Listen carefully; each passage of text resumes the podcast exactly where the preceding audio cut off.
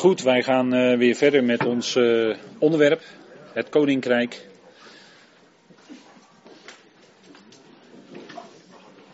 En dan zegt u van ja, twee avonden lijkt aardig veel, maar je voelt je toch uh, enigszins beperkt hoor.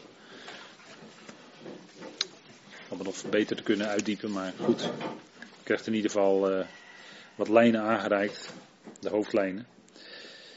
De we hebben gezien vlak eh, voor de pauze, daar zijn we mee gestopt, dat uh, de vraag van de discipelen in Handelingen 1 vers 6, die wordt beantwoord in uh, het verdere van het boek Handelingen. Dat is toch een duidelijke, duidelijk iets hoor. En als je dat naleest, dan kom je daar ook wel achter. Het is alleen verwarrend, omdat op een gegeven moment natuurlijk Saulus geroepen wordt tot apostel Paulus.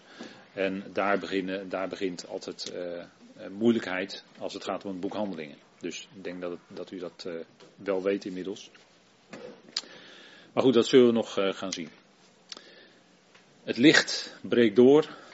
En dat is ook wat begon. Hè. Het licht begon ook door te breken. Ook toen de Heer was opgewekt uit de doden.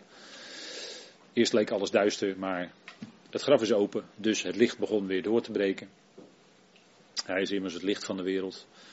En dit, is, uh, dit zijn altijd van die mooie plaatjes. Hè. Door zo'n wolk heen zie je het licht schijnen. En dat is uh, altijd een illustratie van de Heer of God die het licht is.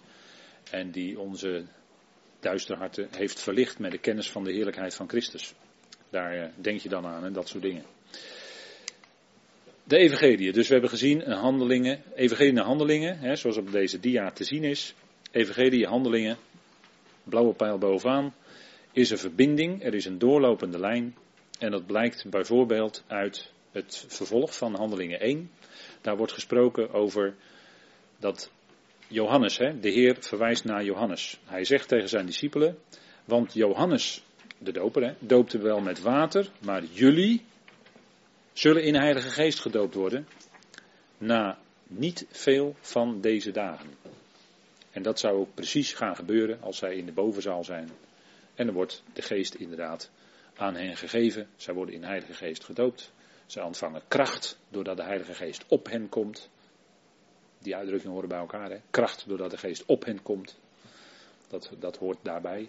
En zij kunnen dan uh, prediken en uh, allerlei verschijnselen.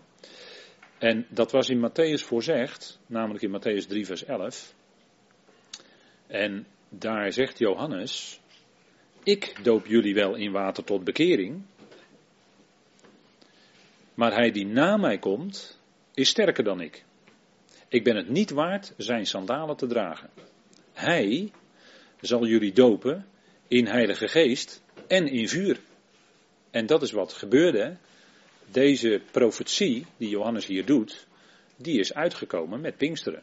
Hij doopte hen in Heilige Geest. En hij had ook in de opperzaal tegen hen gezegd, vlak voor zijn dood, dat als hij verheerlijkt zou zijn, zij dan de belofte van de Vader zouden ontvangen. Pas als hij verhoogd zou zijn, dan pas zou die geest kunnen komen. En zo, en zo geschieden. Hè. Zo gebeurde dat natuurlijk. Leest u maar na. Johannes 14 tot en met 16. Hè. Daar spreekt hij daarover.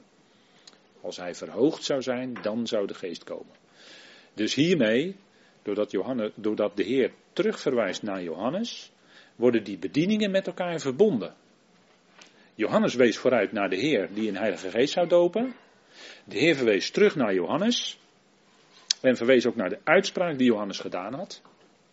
En daarmee werd er een verbinding gemaakt met de bediening van Johannes en die van de Heer. En natuurlijk lag die verbinding er al. Maar door er hier nog eens op terug te komen met het aspect van Heilige Geest, wordt die verbinding ook doorgetrokken in handelingen. Dat is een belangrijk punt.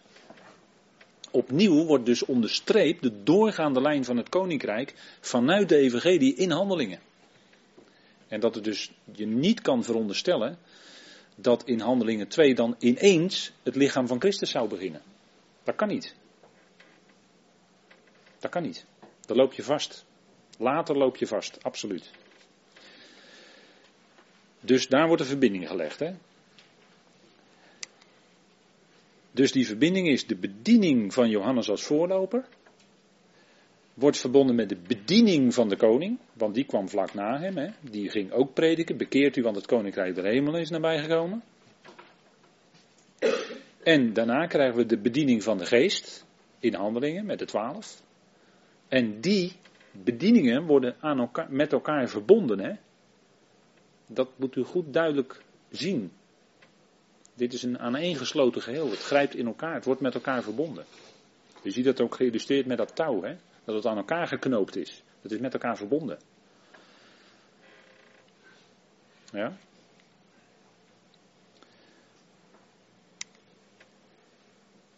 En dan in handelingen 1 vers 6 tot en met 8a. Hè, want je kan je nog afvragen, ja, waarom vroegen die discipelen dat? Hè? Wanneer komt u dan? Nou, de Heer had net met hen gesproken over de komst van de Heilige Geest. Jullie zullen in Heilige Geest gedoopt worden. En eh, de apostelen herinnerden zich dan Jesaja 32. En de Heer bevestigt dus het feit van het koninkrijk. Maar over de tijd zei hij dan de Vader dat weet. Dus hier zien we ook al een indicatie dat hij zo nadrukkelijk spreekt over die tijd. Hè. De tijden en gelegenheden heeft de Vader aan zichzelf voorbehouden. En daar zit natuurlijk al iets in van het wordt uitgesteld. Het gaat nog niet onmiddellijk aanbreken, want daar vroegen ze naar. Maar over de tijd deed hij een uitspraak waaruit bleek dat de Vader dat zich had voorbehouden. En als u het mij vraagt, wist de Heer dat op dat moment wel hoor. Dat het uitgesteld zou worden, wist hij wel degelijk. Alleen hij zei het natuurlijk niet zo tegen zijn discipelen. Hij zei het op een bepaalde manier. En uh, Jezaja 32, hebben de discipelen eraan gedacht? Het zou kunnen, het zou kunnen. want als we kijken in Jezaja 32, wat daar staat, als we dat even met elkaar lezen. Jezaja 32, gaan we even, heel even met elkaar naar kijken. Want daar zat een belofte in. En dat was verbonden, er zou iets gaan gebeuren. En dat was verbonden met iets. En er wordt ook de geest genoemd. Jezaja 32. Vanaf vers 13. Op het land van mijn volk zullen doornen, distels opkomen. Ja, op alle vreugdehuizen, in de uitgelaten stad. Want het paleis zal verlaten zijn, het stadsrumoer zal ophouden, Ovel en wachttoren zullen tot in eeuwigheid als grotten zijn. Er staat eigenlijk eh, tot de Olaam, hè, tot de Aion, tot de Olaam. Olaam enkelvoud hier. Als grotten zijn, een vreugde voor wilde ezels, een weide voor kudden. En hier, is dus een, hier wordt dus door de profeet een periode aangeduid waarin dus geen vrucht is. Er zijn doorn en distels. Er is geen vreugde meer. Het is een tijd van de eh, eigenlijk van de koning is er niet, of nog niet. Hè? Dat wordt daar in feite mee gezegd. En dan staat er in vers 15, totdat, let op dat totdat, hè, totdat, dus die situatie zal zo zijn, over ons uitgegoten wordt de geest uit de hoogte. Dus hier wordt de belofte gegeven van de geest, hè, die over hen uitgegoten zal worden. Dus niet alleen in Joël, maar ook hier in Jezaja. Dit is misschien een wat minder bekende schriftplaats voor u. Maar ook hier wordt dus die belofte van die geest uit de hoogte gegeven. Hè. Dan zal de woestijn tot een vruchtbaar veld worden en het vruchtbare veld zal als een woud beschouwd worden. Het recht zal wonen in de woestijn en de gerechtigheid zal verblijven op het vruchtbare veld. De vrucht van de gerechtigheid zal vrede zijn, welzijn, shalom.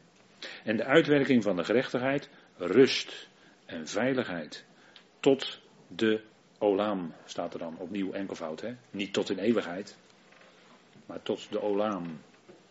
Dus tot dat tijdperk, hè? tot die tijd. Tot in die tijd. Mijn volk zal verblijven in een woonplaats van vrede, in veilige wonen, woningen, in oorden van zorgeloze rust. Dus je ziet hier dat hier de geest wordt beloofd. En als die geest dan komt, ja, dan, dan gaat het gebeuren. Hè? Dat wisten ze. Vandaar dat ze vroegen, wanneer? De Heer sprak met hen over die geest. En zij hebben wellicht ook teruggedacht aan hier Jezaja 32. En zij vroegen zich af, maar ja, maar wanneer gaat het dan komen? Want u, u belooft nu die geest, maar wanneer komt het dan? Wat in onder andere in Jezaja staat. En natuurlijk in Joël en vele andere profetieën. Dus het was een logische vraag van die discipelen. Het was niet een kwestie van ongeduld, maar het was gebaseerd op, nee, dit zegt de schrift. En wanneer gaat het dan komen? Dus het was een hele reële vraag eigenlijk. Hè? Jezaja 32, dus daar was die geest ook beloofd. Hè? En met een heel duidelijke aanduiding, totdat. Nou dan, uh, zij herinneren zich Jezaja 32. En hij bevestigt dan aan hen het feit van het koninkrijk. Dus dat het koninkrijk wel degelijk zou komen. Zij die dan samengekomen waren vroegen hem, Heer, zult u in deze tijd voor Israël het koninkrijk herstellen? Hij zei tegen hen, het komt jullie niet toe de tijden of gelegenheden te weten die de Vader in zijn eigen macht gesteld heeft. Maar jullie zullen de kracht ontvangen bij het op jullie komen van de Heilige Geest. En jullie zullen mijn getuigen zijn, zowel in Jeruzalem als in heel Judea en Samaria en tot het uiterste van het land. En dit is ook exact zo in vervulling gegaan in handelingen. Dit hebben zij ook gedaan. Zij hebben getuigd. Zij zijn deze gebieden ingegaan tot het uiterste van het land. Dit was het antwoord van de Heer. Dus hij over de tijd was die voor hen op dat moment niet duidelijk. Hij zegt dat heeft de Vader aan zich voorbehouden. Maar jullie zullen mijn getuigen zijn. Dit is wat jullie gaan, nu gaan doen. En dan zullen jullie, eh, hij wist natuurlijk, dan zullen, zouden zij zien hoe het zich zou gaan ontwikkelen. Met dat hij ongetwijfeld wist hoe dat zou gaan verlopen. Dus we zien drie cirkels van verkondiging. Jeruzalem en heel Judea. Dat lees je terug in Handelingen 1, vers 12 tot 7, vers 60. Hè, dat Stefanus gestenigd wordt. Ook een afwijzing van het koninkrijk in feite. Hè. Stefanus gestenigd. Maar ook in Handelingen 4, het Sanhedrin, als Petrus en Johannes daar komen. Die wijzen dan heel duidelijk dat, die koninkrijksboodschap af. Heel duidelijk, hè? opnieuw. Dus we zien daar afwijzingsmomenten door Israël, door de leiders van Israël. Dan in Samaria, handelingen 8. jullie zullen mijn getuigen zijn, daar, daar en daar. Lezen we terug in handelingen 8, Samaria. En de uiterste van het land, Cornelius. Dat was een godvereerder, het was een proseliet van de poort. Dus nog niet uh, proseliet van de gerechtigheid, dan, dan heb je je laten besnijden enzovoort. Maar proseliet van de poort, ben je genaderd. Je erkent de God van Israël als de enige God. Je aanbidt geen afgoden meer. Maar je ziet dat de God van Israël de enige ware God is. Dus dan ben je proseliet van de poort. Dan ben je genaderd tot. Maar voor de Joden stonden die proselieten er eigenlijk nog. Ja, voor de echte orthodoxen stonden ze er nog buiten. Vandaar dat Peter zo ontzettend veel problemen had toen hij bij Cornelius was geweest. Hij moest eerst al heel erg overtuigd worden met het laken. En hij ging uiteindelijk naar Cornelius. Daar gebeurde ook iets. Een bevestiging van zijn prediking. Maar in Handelingen 11 lees je dan dat hij ontzettend zich moet verantwoorden in Jeruzalem. Hè? Moest op matje komen. Wat heb je gedaan? Maar hij was wel tot het uiterste van het land gegaan, want daar woonde Cornelius. Dus hier zien we ook een invulling van tot het uiterste van het land. Dat is dus ook gebeurd. Maar dit is allemaal koninkrijksprediking. Het is allemaal in het kader van dat koninkrijk. Petrus had gekregen de sleutels van het koninkrijk van de hemelen. Matthäus 16. En die sleutel gebruikte hij. En zelfs in Samaria moesten Petrus en Johannes komen op de prediking van Filippus, opdat zij de handen gingen opleggen en de Heilige Geest gegeven zou worden. Dat was die sleutelfunctie van Petrus. Die moest komen. Dat was de leider. Dus we zien, dat is allemaal stappen in dat koninkrijk, hè, die koninkrijksverkondiging. Met alle verwikkelingen van die, maar dat kunt u zelf nalezen. En dan zien we hier uh, weer een plaatje uit Israël, het dal van Jozefat. Ook, uh, ja, als je daar in de buurt geweest bent, hè, uh, een weg die leidt dan naar Karmel toe. Nou, dat, als je daar komt, dan, ja, dan spreekt dat enorm natuurlijk. Hè, al die plaatsen waar in de toekomst heel veel zal gaan gebeuren. Israël speelt natuurlijk straks weer de, de grote hoofdrol. Maar we gaan even terug naar handelingen. De komst van het koninkrijk werd afhankelijk van Israëls acceptatie van de Messias. En Petrus had het goed begrepen. Handelingen 3. Hij geneest daar die kreupele man aan de schone poort. En dan komt hij, en dan zegt hij in Handelingen 3 dat uh, ze zich moesten bekeren. Bekende woorden. Dan zegt hij tegen de Israëlieten, Handelingen 3, uh, vers 19. Kom dus tot inkeer, zegt Petrus tegen ze. En bekeer u, opdat uw zonden uitgewist worden en er tijden van verkwikking zullen komen van het aangezicht van de Heer. En Hij, Jezus Christus, zal zenden, die tevoren aan u verkondigd is. Dus hier zien we heel duidelijk het verband van als Israël zich zou bekeren, massaal, dan zou hij terugkomen, dan zou de koning komen. dat koppelt Petrus heel duidelijk aan die bekering. En dan staat er in vers 21, hem moet de hemel ontvangen tot de tijden waarin alle dingen worden hersteld waar, waarover God gesproken heeft bij monden van al zijn heilige profeten door de eeuwen heen. Nou, hier wordt gesproken over die, ja, wat in de theologie dan wordt genoemd de apokatastasis. Hè? Dat, uh, dan zeggen ze, ja, jullie zijn alverzoeners en dan halen ze deze tekst erbij. Maar deze tekst predikt helemaal geen alverzoening. Deze tekst predikt het herstel van het koninkrijk aan Israël. En aan de vervallen hut van David. Dus theologen halen dan deze tekst erbij, volkomen ten onrechte. Dan sla je de plank helemaal mis. Als je het, hebt om, om als je het erover hebt om alverzoening te bestrijden. Als je dat wil. Maar dan zit je het falikant naast, je vergeet hier de context. En ja, goed, dat, dat is wat zou gaan gebeuren als Israël zich zou bekeren. Dan zou hij komen, en dan zegt Petrus, hem moet de hemel ontvangen tot de tijden. Dus Petrus wist natuurlijk wel van de Heer, hij is opgevaren naar de hemel, totdat. Dus er zou een tijd overheen gaan, dat had Petrus wel begrepen. En vandaar dat hij ook bekering predikte aan het volk, jullie moeten je bekeren. Dat je zonden uitgewist worden. Het nieuwe verbond moest gaan aanbreken. Hè, dat hij hun zonde zou wegnemen. Romeinen 11. Hè, Romeinen 9 tot 11 wordt dat ook genoemd. Hè. Nou, dat is wat Petrus dus heel goed begrepen had. Israël moest de Messias accepteren en dan zou hij ook komen. Zij moesten zich omkeren naar, de, naar hem, de Messias, die zij toch keer op keer verwierpen. Blijkt uit Handelingen 4, Handelingen 7 en keer op keer in boek Handelingen gebeurt dat de twee mannen spreken. Hè? De Heer gaat, vaart dan op naar de hemel, er komt een wolk tussen en dan zeggen die mannen. En ze zeiden tegen hem, Galileese mannen, waarom staan jullie omhoog te kijken naar de hemel? Deze Jezus die van jullie opgenomen is naar de hemel, zal op dezelfde wijze komen als jullie hem naar de hemel hebben zien gaan. Dus ook al een, in feite een belofte dat hij op de Olijfberg gaat komen. Hij zal daar weer staan, op de Olijfberg. En heb ik heel even deze dia gebruikt om in te vullen wat daar dan gebeurt. Hè?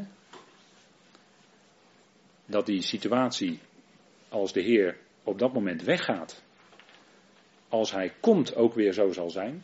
Namelijk, er was toen een gelovige rest in Israël.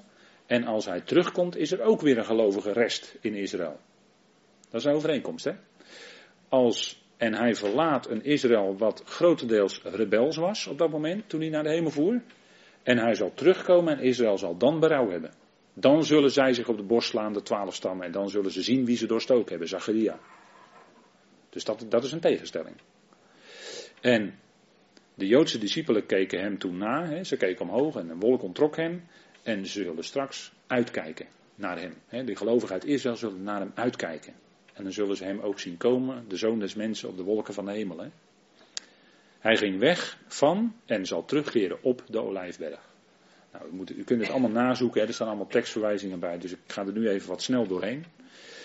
Een wolk schoof ertussen en hij komt terug op de wolken. hij zal met de wolken weer terugkomen. Wordt door Daniel gezegd, door, door en Matthäus natuurlijk bevestigd in Zacharia enzovoort. Nou, dat is duidelijk uit de schrift. Maar kunt u nalezen. Dus hij zal op dezelfde manier terugkomen. Nou, dit is weer even een fragment van de Olijfberg. Als je uit de stad kijkt naar die berg, zo naar beneden, je staat op een bepaald punt, dan kijk je naar beneden en zie je dit. Hè? Die uh, graven, zegt men van grote profeet, Meen Zacharia is een van die graven daar, zegt men. Maar goed. Hoe zit het nu met handelingen? En dit is dan eigenlijk een, een omschrijving van uh, broeder Gellesnov. Een omschrijving van het boek Handelingen. Handelingen is het laatste hoofdstuk van Gods handelen met Israël. althans, het laatste hoofdstuk voordat de gemeente geroepen ging worden, hè, bedoelt hij dan. Het verhaal tot prediken van het koninkrijk van God door de Heilige Geest. En het verhaal de verwerping ervan door Israël binnen en buiten het land. De koning werd verworpen, de Heer Jezus Christus, toen hij zelf predikte. Hij werd gekruisigd. Daarna komt het getuigenis van de Heilige Geest, wordt ook verworpen. En dat was de zonde die niet vergeven zou worden, zo had de Heer gezegd. Niet in deze aion en ook niet in de komende. Die zonde en die zonde begingen zij in het boek Handelingen. Dat is heel ernstig. Dan wordt het woord van de Heer uit Matthäus 12 werkelijkheid. Die zonde wordt niet vergeven. In deze aion niet en in de volgende ook niet. Maar we hebben een geweldige verwachting dat daarna, daarna komt er wel iets. En dan komt er wel heil voor Israël, want dan komt heil voor iedereen natuurlijk. God is de redder van alle mensen. Maar goed, dit is even om vast te stellen. Hè.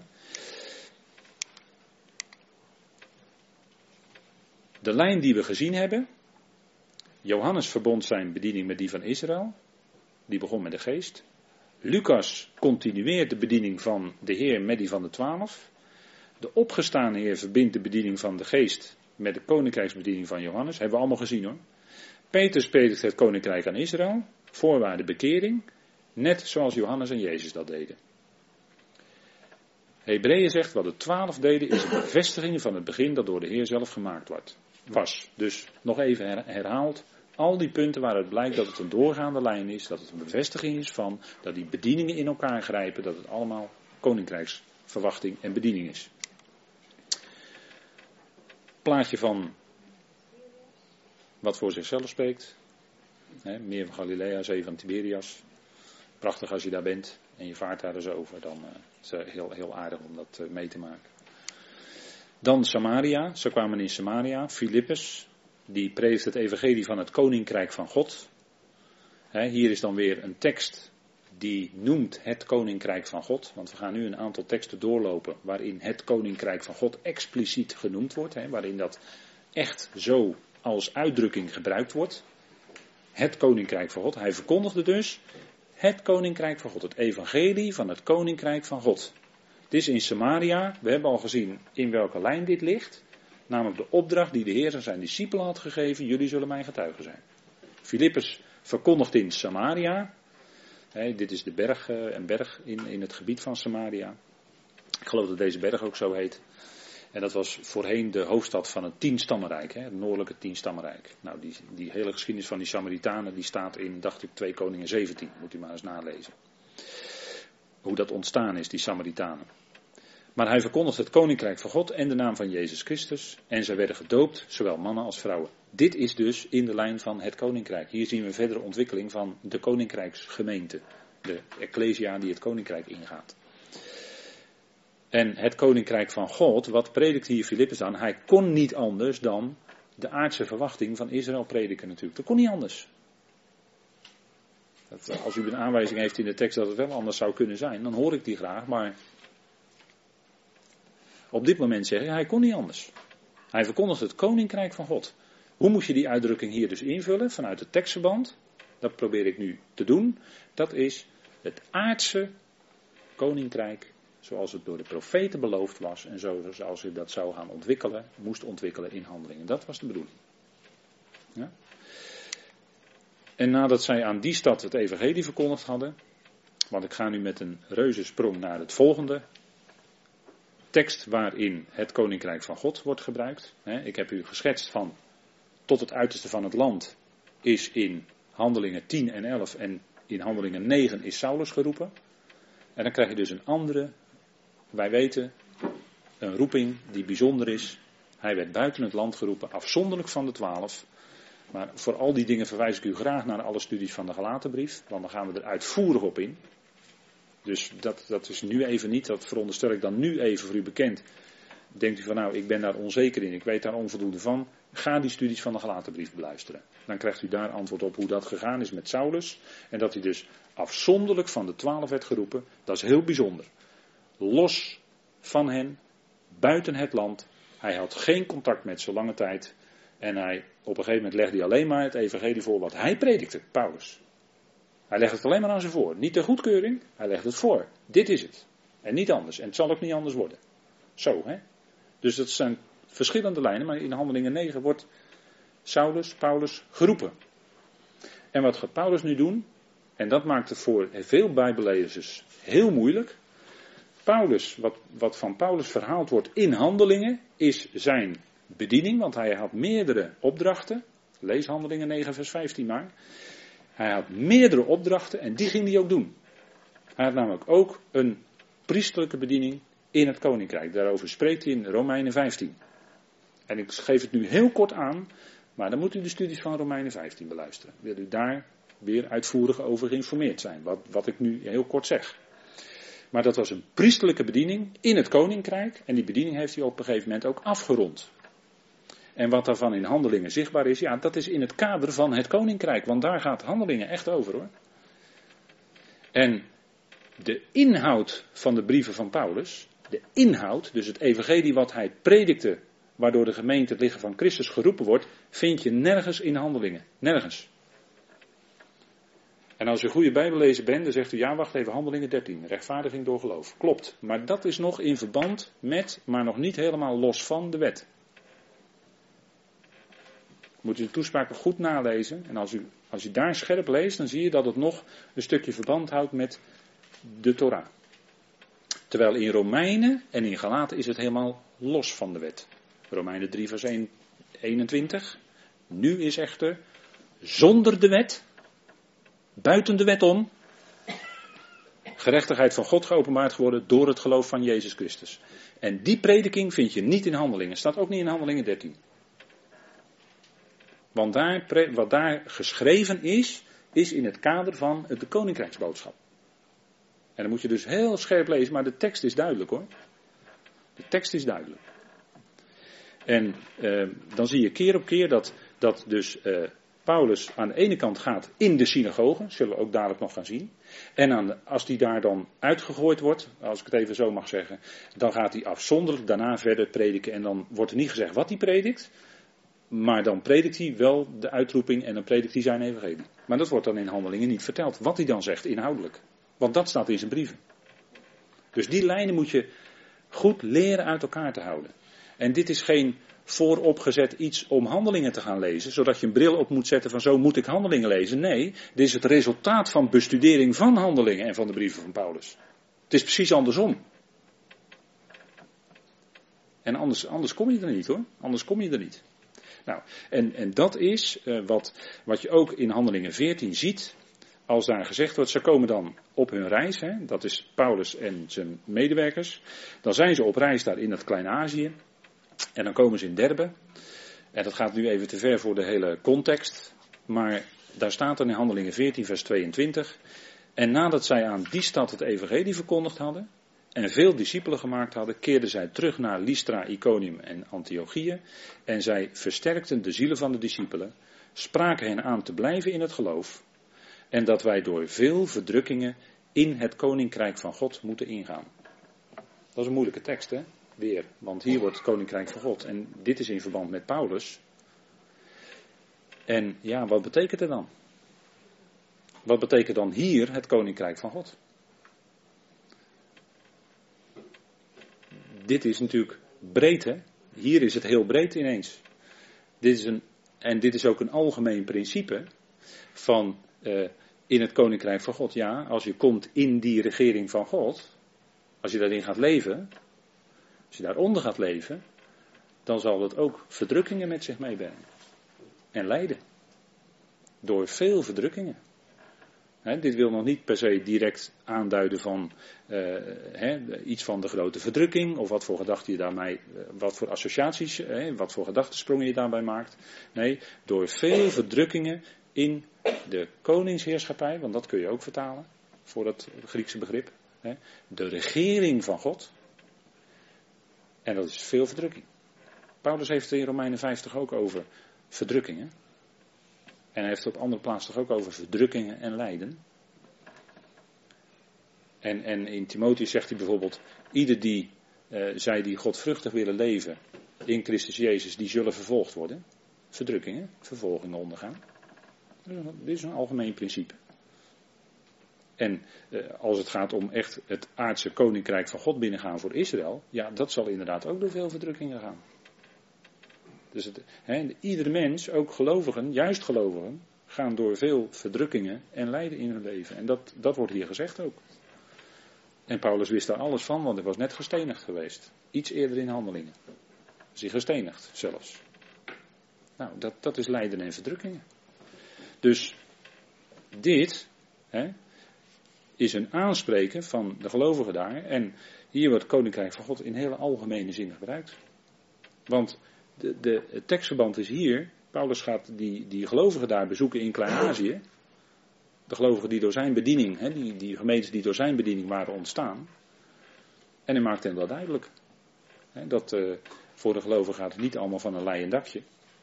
Maar uh, koninkrijk van God, ja, heerschappij van God in je leven. Verdrukkingen. Ja? Dan springen we verder naar de volgende keer dat eh, de uitdrukking het koninkrijk van God in handelingen voorkomt. En er staat dan, en dan is Paulus in Efeze. En op het plaatje ziet u hier de Hoerva-synagoge in Jeruzalem. Een hele beroemde is dat. En hij ging de synagoge binnen en sprak vrijmoedig drie maanden lang, redenerend en overtuigend wat betreft het koninkrijk van God. En laten we heel even iets daarbij lezen. Want hij is hier natuurlijk in de synagoge. Hè? Wat ik net al heel even aangaf, handelingen 19. Nu is hij in de synagoge. Dat is de situatie. En in dat licht lezen we het. Hè, die uitdrukking. Dus zie je dat je elke keer rekening moet houden met de tekstverband hè, waar je in zit.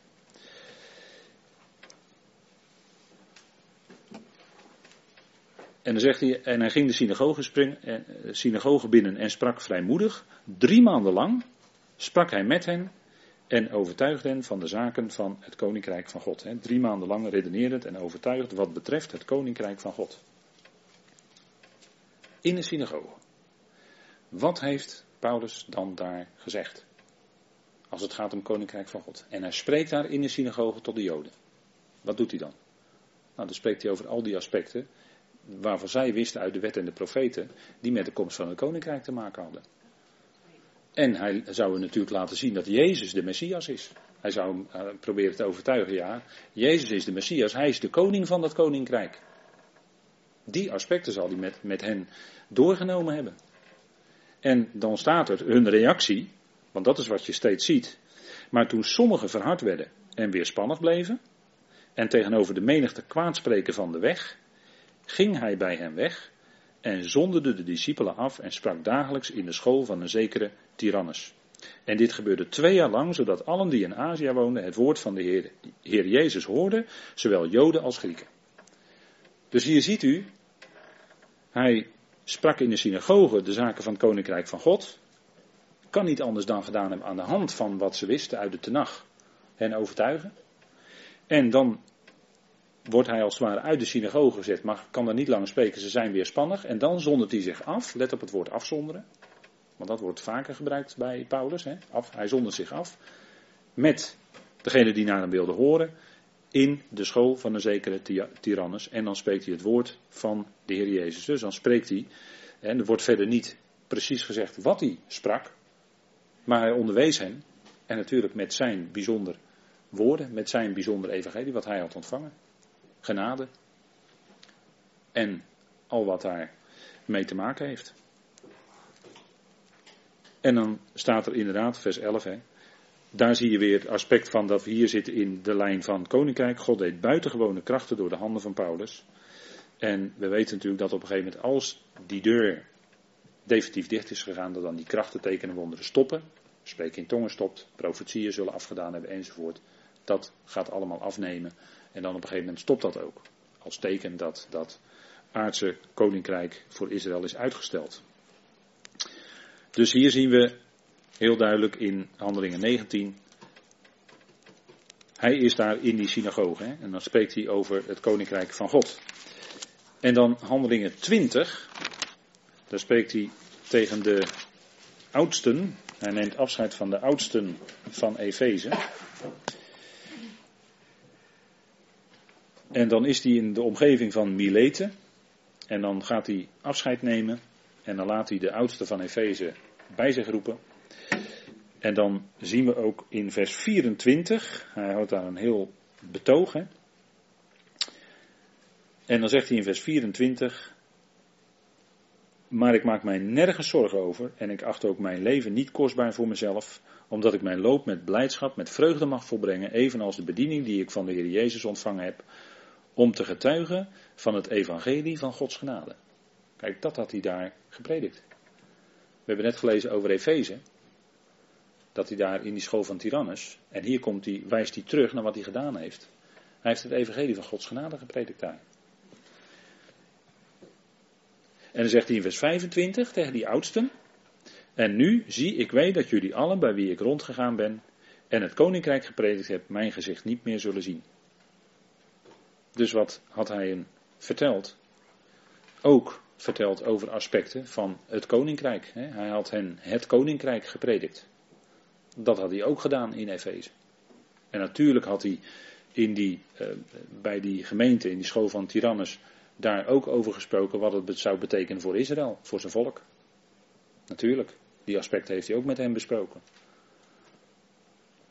De lijn, hè, koninkrijk, maar nu doet God een bijzonder iets door de gemeente te gaan roepen.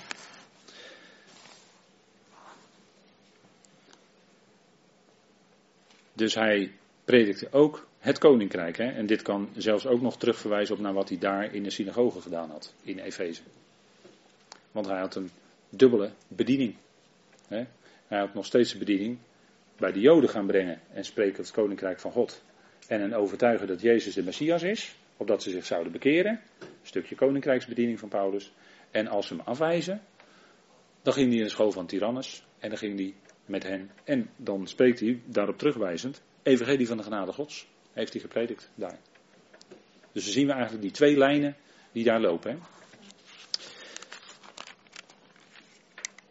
En dan handelingen 28, dan zitten we al aan het eind van het boek Handelingen inmiddels.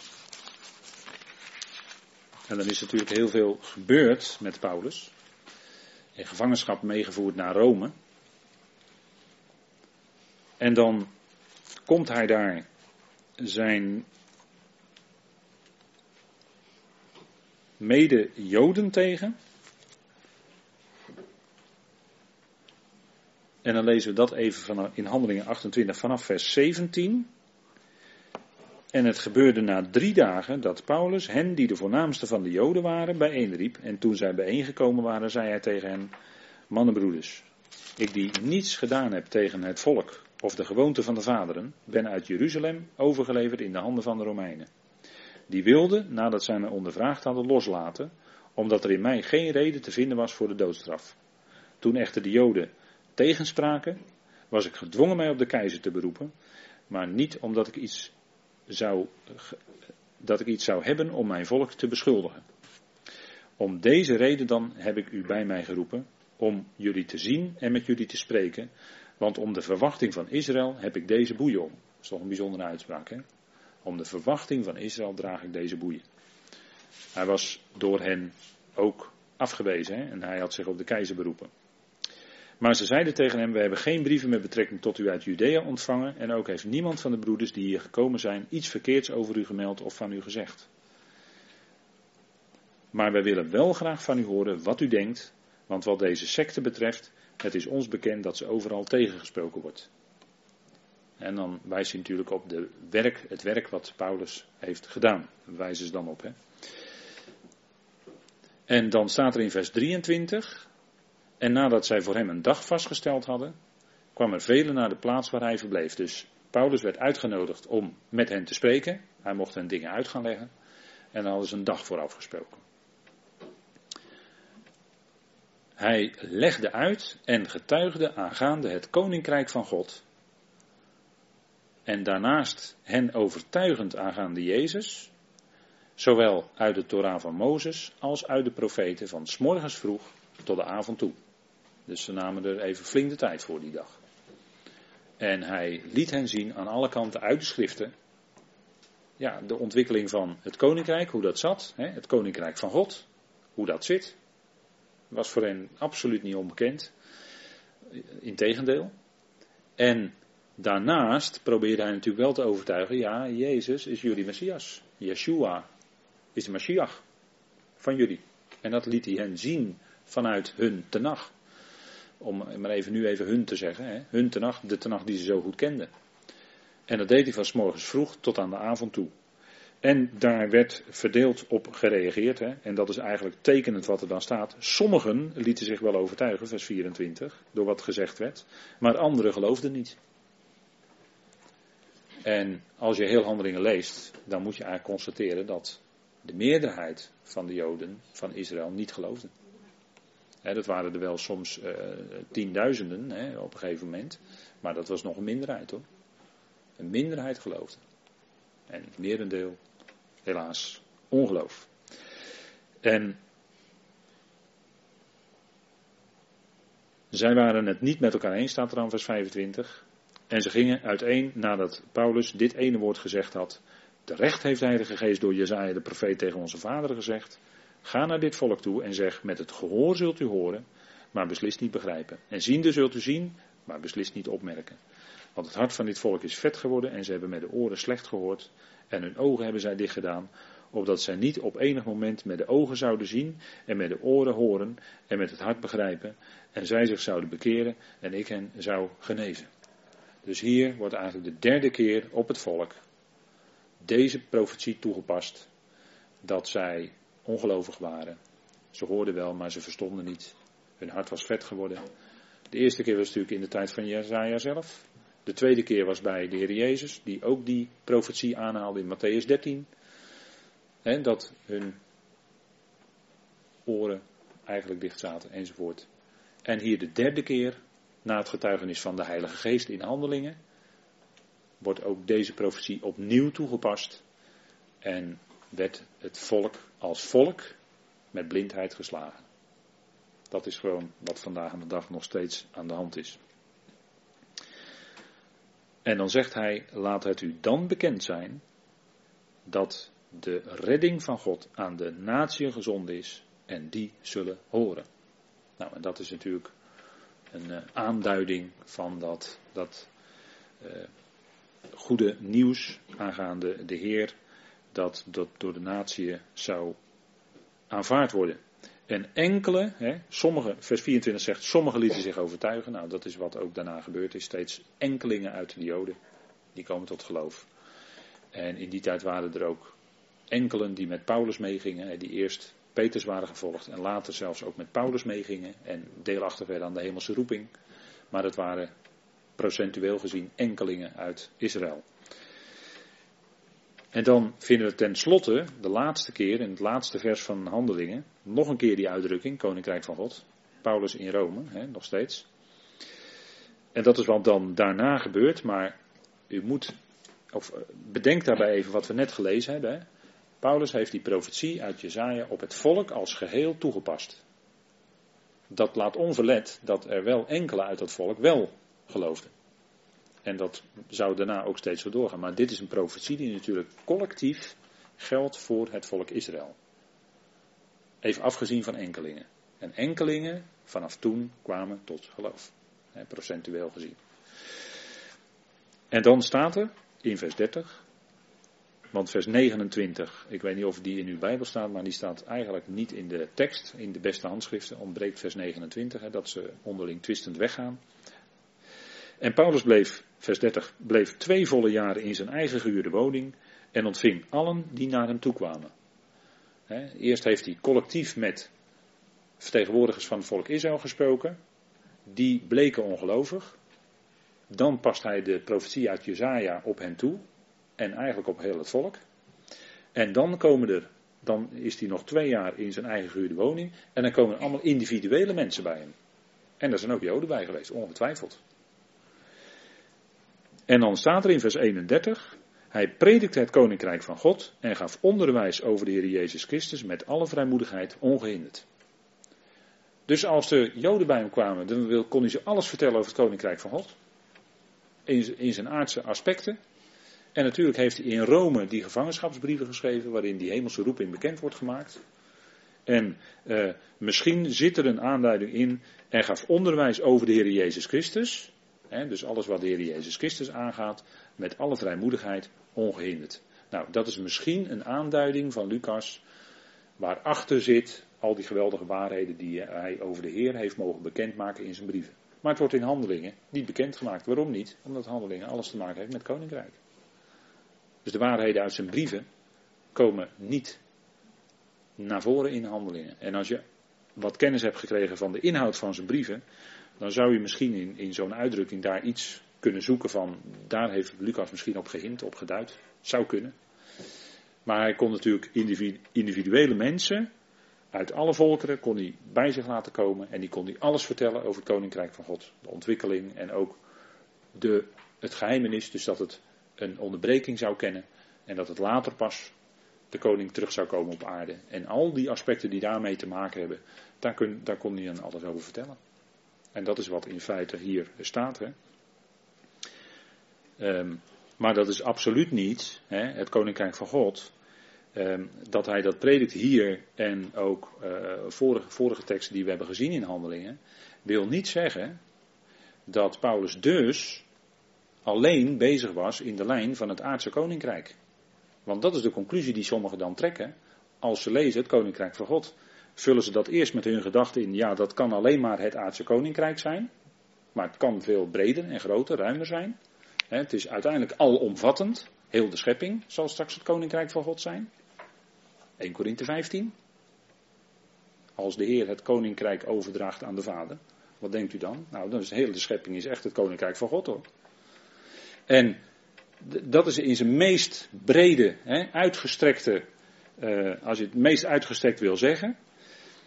Dus uh, je kan niet de conclusie trekken uit het feit dat Koninkrijk van God in verband wordt gebruikt met Paulus, dat hij dat predikt, dat Paulus dus alleen in de lijn heeft gestaan van de aardse koninkrijksprediking. Dat, dat is niet terecht. Dat is niet terecht. Want dan laat je in feite nou, hè, zijn, zijn brieven toch voor een deel buiten beschouwing, of misschien wel helemaal. Maar als je zijn brief erbij betrekt en gaat bestuderen en wat daarin staat, dan denk je, ja, maar dit is totaal iets anders dan wat in handeling, als wat we in handelingen tegenkomen. Totaal anders. Dat klopt, maar handelingen is ook niet geschreven om dat evangelie van Paulus duidelijk te maken. Nee, handeling is geschreven om die hele ontwikkeling van het koninkrijk te laten zien. En dat het dus uitgesteld werd. Dat die deur gesloten werd aan het eind. He, Petrus was de, de sleuteldrager, die deed hem open. En Paulus, door toepassing van die profetie, deed die deur weer dicht. Voorlopig. Het is uitgesteld. De deur zal wel weer open gaan, maar dat is nog toekomst. Nou, en die tijdsperiode die daartussen zit, in die periode wordt de gemeente het liggen van Christus geroepen. En staat dus de Ecclesia van het Koninkrijk even, die is even niet in beeld. Die wordt niet geroepen in deze tijd. En die zal er straks weer zijn. Wat dacht u? De Messiaanse Joden, die Matthäus zullen lezen in de tijd van de grote verdrukking, in de tijd van de laatste jaarweek. Wat dacht u? Die hebben dat nodig om op tijd weg te zijn uit het land. Als je op het dak bent, ga niet je huis in om nog wat mee te nemen. Nee, maak, maak dat je wegkomt. Anders ben je te laat, word je gedood. Dat wordt natuurlijk tegen gelovigen gezegd daar. Messiaanse gelovigen. Dat is de koninkrijksgemeente, die, die zal er dan weer zijn. Lees openbaring 2 en 3. De zeven ecclesia's in Klein-Azië. Dat is de koninkrijksgemeente. Die zal er dan weer zijn. Dat is gewoon die andere lijn van Petrus. Nou, deze zaken, als je die zo uit elkaar houdt, dan lees je onderscheidend de schrift. En dat kan ook niet anders. Dat kan niet anders. Anders, anders kom je in een, in een eindeloze verwarring. En, en lees, de, lees u maar eens wat lectuur dan in de, uit de christelijke wereld, laat ik maar zo zeggen. En u zult de verwarring teruglezen. Men komt er niet uit op heel veel punten. En je komt er alleen maar uit, je krijgt alleen maar duidelijkheid als je onderscheidend leert lezen dat wat de schrift zelf aangeeft. Dat is echt niet een, een, voor, een theologische vooronderstelling hoor. Het is wat de schrift zelf aangeeft. Absoluut. En het wordt keer op keer bevestigd aan alle kanten als je de schrift leest. Dan wordt het duidelijk. Goed, ik wil het hierbij laten voor deze tweede avond en een volgende keer zal Pieter verder gaan over het koninkrijk of het begrip koninkrijk in de brieven van Paulus.